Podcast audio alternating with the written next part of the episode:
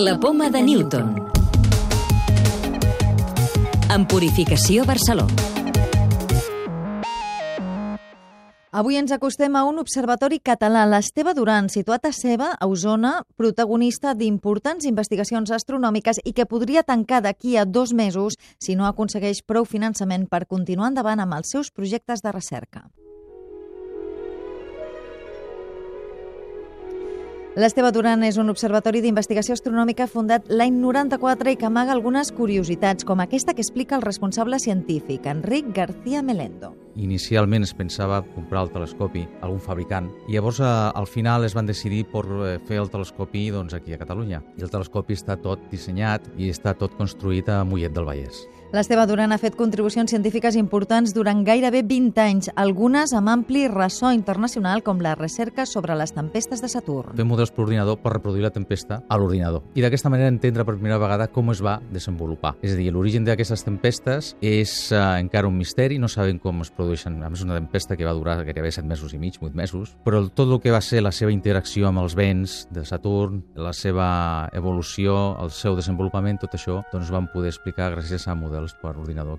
Algunes investigacions de l'Esteve Duran s'han publicat a revistes tan prestigioses com Nature Geoscience i hores d'ara els seus treballs se centren en la recerca sobre planetes. Actualment, una de les branques importants és el que anomenem ciències planetàries, i estudiar els planetes del sistema solar. I més en particular hem estudiat les atmosferes, el temps, a Júpiter i a Saturn, dels grans vòrtex de, de Júpiter i Saturn, la gran taca vermella, etc. També, per exemple, doncs, el règim de vents dominants de Júpiter i de Saturn. També hem fet recerca amb planetes extrasolars.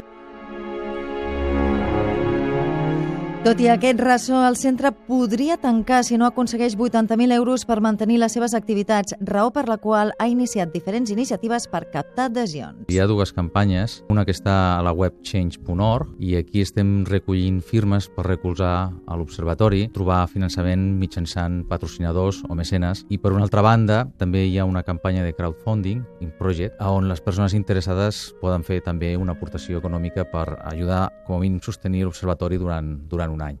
L'Observatori també fa una tasca divulgativa amb visites de particulars, entitats i escoles.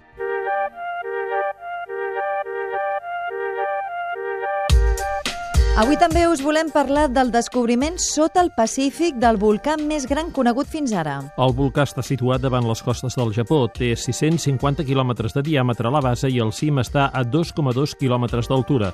És el més gran del món i s'ha mantingut inactiu durant 140 milions d'anys. Dos projectes europeus en participació del CSIC desenvoluparan sensors autònoms per controlar la contaminació del mar. Sion Chip i Brabu funcionaran com a petits laboratoris dirigits per control remot. Els xips es col·locarien en boies més petites que un paquet de tabac i podrien detectar un màxim de 7 contaminants diferents. Una nova vacuna pot controlar el virus de la sida micus. La recerca l'ha portat a terme un equip d'investigadors d'Oregon als Estats Units. La vacuna ha aconseguit estabilitzar el virus en un 50% dels casos i en alguns fer-lo desaparèixer del tot. La clau de volta.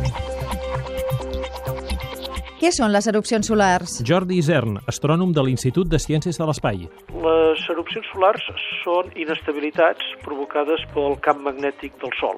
El Sol, igual que la Terra, té un camp magnètic.